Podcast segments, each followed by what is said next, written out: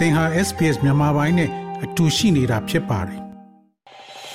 သင်ဟာ SPS မြန်မာပိုင်းနဲ့အတူရှိနေတာပါ။ sps.com.au/burmese မှာပုံမထူးခဲ့တဲ့သတင်းစာမားတွေကိုရှားဖွေပါကဘာပေါ်မှာဖြစ်နေတဲ့ကပ်ယောဂါကကလေးငယ်တွေအပေါ်ဘယ်လိုအပြောင်းလဲဖြစ်စေပါသလဲဆိုတဲ့အကြောင်းကိုတင်ဆက်ပေးမှာဖြစ်ပါတယ်။ကဘာတလွှားမှာဖြစ်ပေါ်နေတဲ့ coronavirus ကပ်ယောဂါကြောင့် စီးပွားရေးပညာရေးခရီးသွားလာရေးကျန်းမာရေးလူမှုရေးအစရှိတာတွေထိခိုက်နေတာနေရပြီးဒီကယောဂါကကလေးငယ်တွေအပေါ်ဘလို့တက်ရောက်မှုဖြစ်စေတယ်လဲဆိုတာကိုပညာရေးလုပ်ငန်းလုပ်ကင်သူတွေနဲ့စိတ်ပညာရှင်တွေက လေးလာနေကြပါတယ်ကုလသမဂ္ဂရဲ့ကလေးသူငယ်များရန်ပုံငွေအသင်း UNICEF ရဲ့အဆိုအရကမ္ဘာတလွှားကကလေးငယ်တွေဟာ လူမှုရေးဆိုင်ရာအထီးကျန်မှုတွေခံစားနေရပြီးဩစတြေးလျပညာရှင်တွေကတော့စောစောစီးစီးပံ့ပိုးကူညီမှုတွေလုပ်တင်တယ်လို့ပြောဆိုနေကြပါတယ်။2022ခုနှစ်မှာကယောဂါဟာ၃နှစ်သားအရွယ်ရောက်နေပြီဖြစ်ပြီးဒီကယောဂါကြောင့်ကလေးငယ်တွေရဲ့ကိုယ်ခန္ဓာနဲ့စိတ်ဓာတ်ဖွံ့ဖြိုးရေးမှာဘလို့ထိခိုက်နေနိုင်ရတယ်လဲဆိုတာကိုသူတေသီတွေတဖြည်းဖြည်းချင်းပိုနားလည်လာကြပြီဖြစ်ပါတယ်။ Viren Disa ဟာ ကိုဗစ်ရောဂါတန်းကိုအဆိုးဝါးဆုံးခံရတဲ့အမေရိကန်နိုင်ငံ Rhode Island က Hashbro ကလေးစေးရုံကအုံနောက်ဖွံ့ဖြိုးရေးပညာရှင်ဖြစ်သလို Brown တက္ကသိုလ်ကတွဲဘက်ပမောက္ခလည်းဖြစ်ပြီးသူဟာကာယောဂါစတင်တဲ့အချိန်ကစပြီးအသက်တစ်နှစ်အရွယ်ကနေကလေးငယ်အယောက်ပေါင်း290လောက်ကိုစောင့်ကြည့်လေ့လာခဲ့သူဖြစ်ပါတယ်။သူရဲ့လေ့လာမှုအရကလေးငယ်တွေရဲ့စကားပြောဆိုခြင်းကိုယ်လက်လှုပ်ရှားခြင်းနဲ့ သိမြင်တတ်သိခြင်းစတဲ့အရေးအချင်းတွေမှာထိခိုက်နေတာမှုဖြစ်နေတာကိုတွေ့ရပြီးအထူးသဖြင့်ဆင်းရဲတဲ့မိသားစုကနေဆင်းသက်လာတဲ့ယောက်ျားငယ်လေးတွေမှာပိုဖြစ်တတ်တယ်လို့ဆိုပါတယ် When I say the motor skills I don't mean the gross motor of walking running jumping crawling those sorts of skills more around the fine motor you know how they can actually manipulate some objects move things around motor စွမ်းရည်လို့ပြောတဲ့အခါမှာ gross motor တွေဖြစ်တဲ့ လမ်းလျှောက်ခြင်းပြေးလွှားခြင်းခုန်ခြင်းလေးဘက်သွားခြင်းစတဲ့အရေးချင်းတွေကိုပြောတာမဟုတ်ဘဲ fine motor skill ကိုဆိုလိုခြင်းဖြစ်ပါတယ်ပစ္စည်းတွေကိုကင်တွယ်ပုံကင်တွယ်နည်းတွေရွှေ့လျားမှုလုပ်ပုံတွေသူတို့ပတ်ဝန်းကျင်ကပစ္စည်းတွေကိုဘလို့ကင်တွယ်တယ်လဲစတဲ့ပုံတွေကိုဆိုလိုတာဖြစ်ပါတယ်အဲ့ဒီလိုအရေးအချင်းတွေအဆင့်တဆင့်ရော့နေလာတာကိုတွေ့ရပြီးတခါတလေမှာနှစ်ဆင့်လောက်အထိကျဆင်းနေတက်ပါတယ်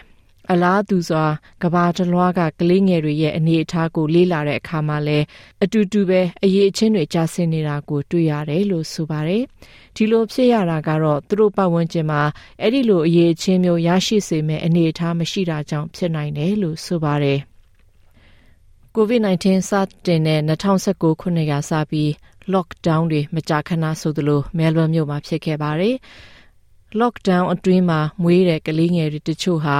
လူတွေနဲ့ထိတွေ့ဆက်ဆံမှုမရှိလို့ကြောက်တတ်တဲ့ကလေးတွေရှိပြီးအဲ့ဒီကလေးငယ်တွေကို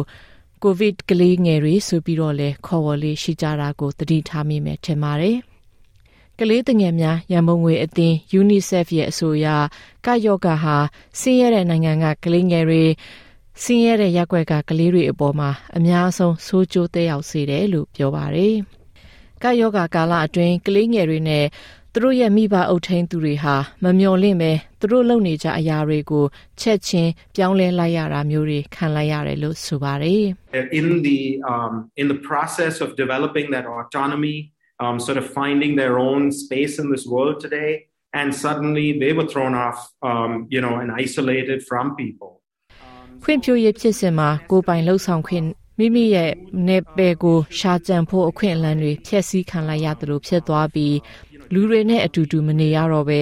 သမိသားစုပဲကိုဟာကိုနေထိုင်ရတဲ့ဘဝကိုရောက်သွားပါတယ်။အဲဒါကြောင့်ကလေးငယ်တွေမှာ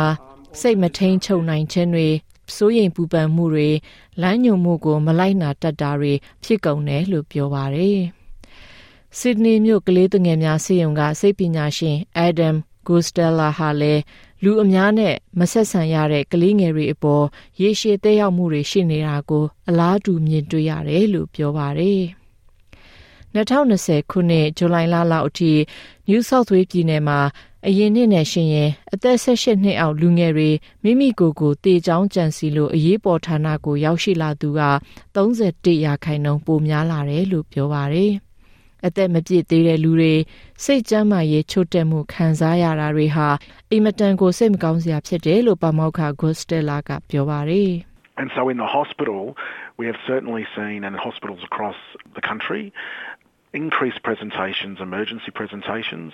um, for young people, and particularly been seen in, in the Sydney Kids Network in um, young. Australia နိုင်ငံတလွှားကစီးရုံတွေမှာ အရေးပေါ်ဌာနတွေမှာလူငယ်တွေပိုရောက်ရှိလာတာမျိုးတွေ့ရပါတယ်။လူငယ်တွေအထူးသဖြင့် Sydney Kids Network ဆိုတဲ့ကလေးငယ်ဆိုင်ရာဆေးရုံများကွန်ရက်တွေအကြားမှာပိုတွေ့ရတာဖြစ်ပြီးအလွှာပေါင်းစုံကအမျိုးသမီးငယ်တွေမှာပိုအဖြစ်များပါတယ်။ကိုကိုကိုတေချောင်းကြံစီမှုတွေဟာ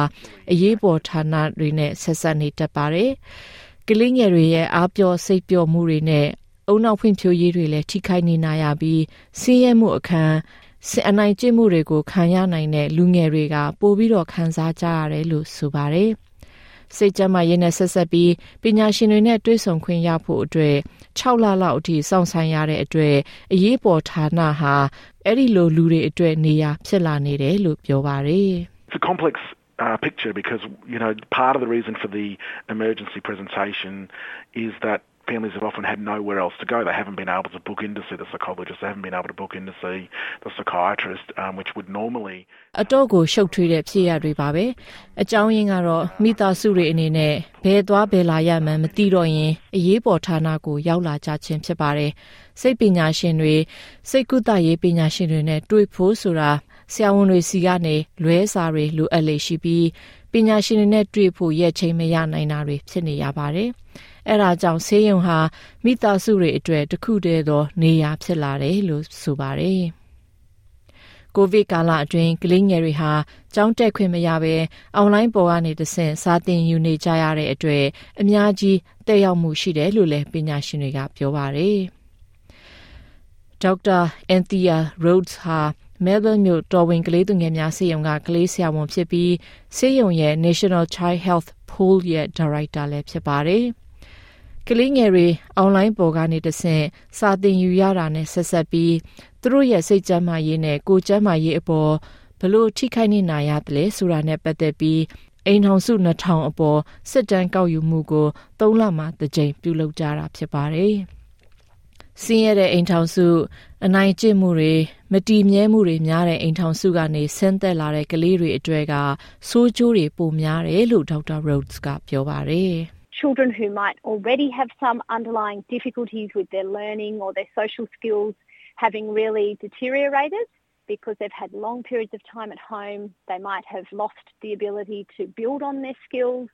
They've developed perhaps increased anxiety. ငကိုကလေးကចောင်းစာမှာအခက်အခဲရှိတဲ့ကလေးငယ်တွေလူမှုအပေါင်းအသင်းမှာအခက်အခဲရှိတဲ့ကလေးငယ်တွေအတွေ့ဆိုးတဲ့ထက်ဆိုးဝါးမှုတွေဖြစ်စေတတ်ပါတယ်။အကြောင်းရင်းကတော့အိမ်မှာပဲအကြာကြီးနေထိုင်ရတဲ့အတွက်ဖြစ်ပါတယ်။အဲ့ဒီလိုကနေပူပန်သောကစိတ်တွေဖြစ်ပေါ်လာတတ်ပါတယ်။သူတို့နေထိုင်ရာပတ်ဝန်းကျင်မှာပဲငွေရေးကြေးရေးအခက်အခဲပဲဖြစ်ဖြစ်စိတ်ဖြစ်စီမှုများတဲ့ပတ်ဝန်းကျင်ဖြစ်ကောင်းလည်းဖြစ်နိုင်ပါတယ်။ ကယောဂါကာလအတွင်းအဲ့ဒီလိုမျိုးခံစားရတဲ့မိသားစုကလေးပုံတစ်ပုံလောက်ရှိတယ်လို့ပြောပါတယ်။ Adam Costello ဟာ Sydney တက္ကသိုလ်ကအုံနောက်နဲ့စိတ်ပိုင်းဆိုင်ရာစင်တာကပေါမောက်ခလည်းဖြစ်ပြီးကိုဗစ်ကာလအတွင်းမှာကလေးငယ်တွေကျောင်းပုံမှန်တက်နိုင်တဲ့အနေအထားမျိုးရှိနေအောင်လှုံ့ဆော်ပေးတဲ့နယ်လို့ပြောပါတယ်။ It's really important that schools do remain open because I think you know we're seeing um, the effects of children not um, getting everyday interactions, everyday peer interactions. ကျောင်းတွေဆက်လက်ဖွင့်ထားဖို့ကအရေးကြီးပါတယ်။ဘာဖြစ်လို့လဲဆိုတော့ကလေးငယ်တွေတူးနဲ့တူးနေ့စဉ်တွေးဆုံထိတွေ့မှုတွေမရှိခြင်းရဲ့တဲရောက်မှုတွေကိုကျွန်တော်တို့မြင်တွေ့လာရတဲ့အတွက်ဖြစ်ပါတယ်။ဖွင့်ဖြိုးရေးအပေါ်ယာယီဆိုးကျိုးတဲရောက်မှုတွေဖြစ်ပေါ်နေပြီးရေရှည်မဖြစ်ဖို့လည်းမျှော်လင့်နေပါတယ်။ပြောင်းလဲမှုဖြစ်နေတဲ့ပတ်ဝန်းကျင်မှာတ င့်တင့်စွာဘလို့နေထိုင်သွားမလဲဆိုတဲ့ပြုလည်ပြင်းလည်မှုတွေရှစ်တက်ဖို့ဖြစ်ပါတယ်။အဲ့ဒီလိုဖွံ့ဖြိုးရေးစွမ်းရည်တွေကိုတခြားလူတွေနဲ့အားကစားကစားခြင်းဒါမှမဟုတ်ပေါင်းသင်းဆက်ဆံခြင်းတွေကနေရရှိစေနိုင်တယ်လို့ပြောပါတယ်။ပြည်내အစိုးရပြည်တော်စုအစိုးရအနေနဲ့ ကလေးငယ်တွေနဲ့မိဘတွေဆရာဆရာမတွေစိတ်ပညာရှင်တွေနဲ့တွေ့ချင်တဲ့အခါမှာအလွယ်တကူတွေ့နိုင်အောင်စီစဉ်ပေးဖို့တိုက်တွန်းထားပါတယ်။လွန်ခဲ့တဲ့လတွေကစပြီးဩစတြေးလျနိုင်ငံရဲ့ပြည်내တချို့မှာ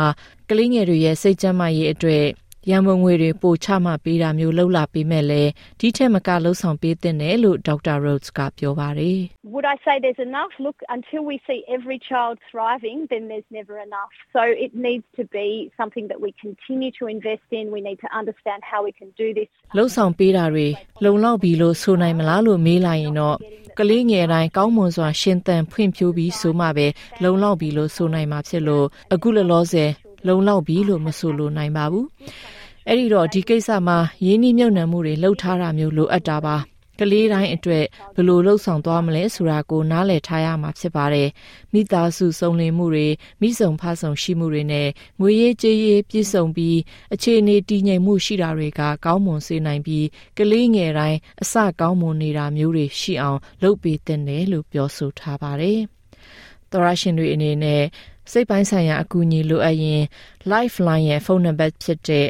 1311 14ကိုဖုန်းဆက်နိုင်တယ်လို့ Suicide Callback Service ရဲ့ဖုန်းနံပါတ်ဖြစ်တဲ့1333 659 46ခွန်ကိုဆက်သွယ်နိုင်တဲ့အပြင် Kids Helpline ရဲ့ဖုန်းဖြစ်တဲ့1833 55 1833ကိုလည်းဆက်သွယ်နိုင်တဲ့အကြောင်းရေးထားတဲ့ Biwa Kwan ရဲ့ဆောင်းပါးကိုတင်ဆက်လိုက်ပါရရှင်။ SPS မြန်မာပိုင်းကို Facebook ပေါ်မှာ like ရှာပြီး like မျှဝေမှတ်ချက်ပေးပါ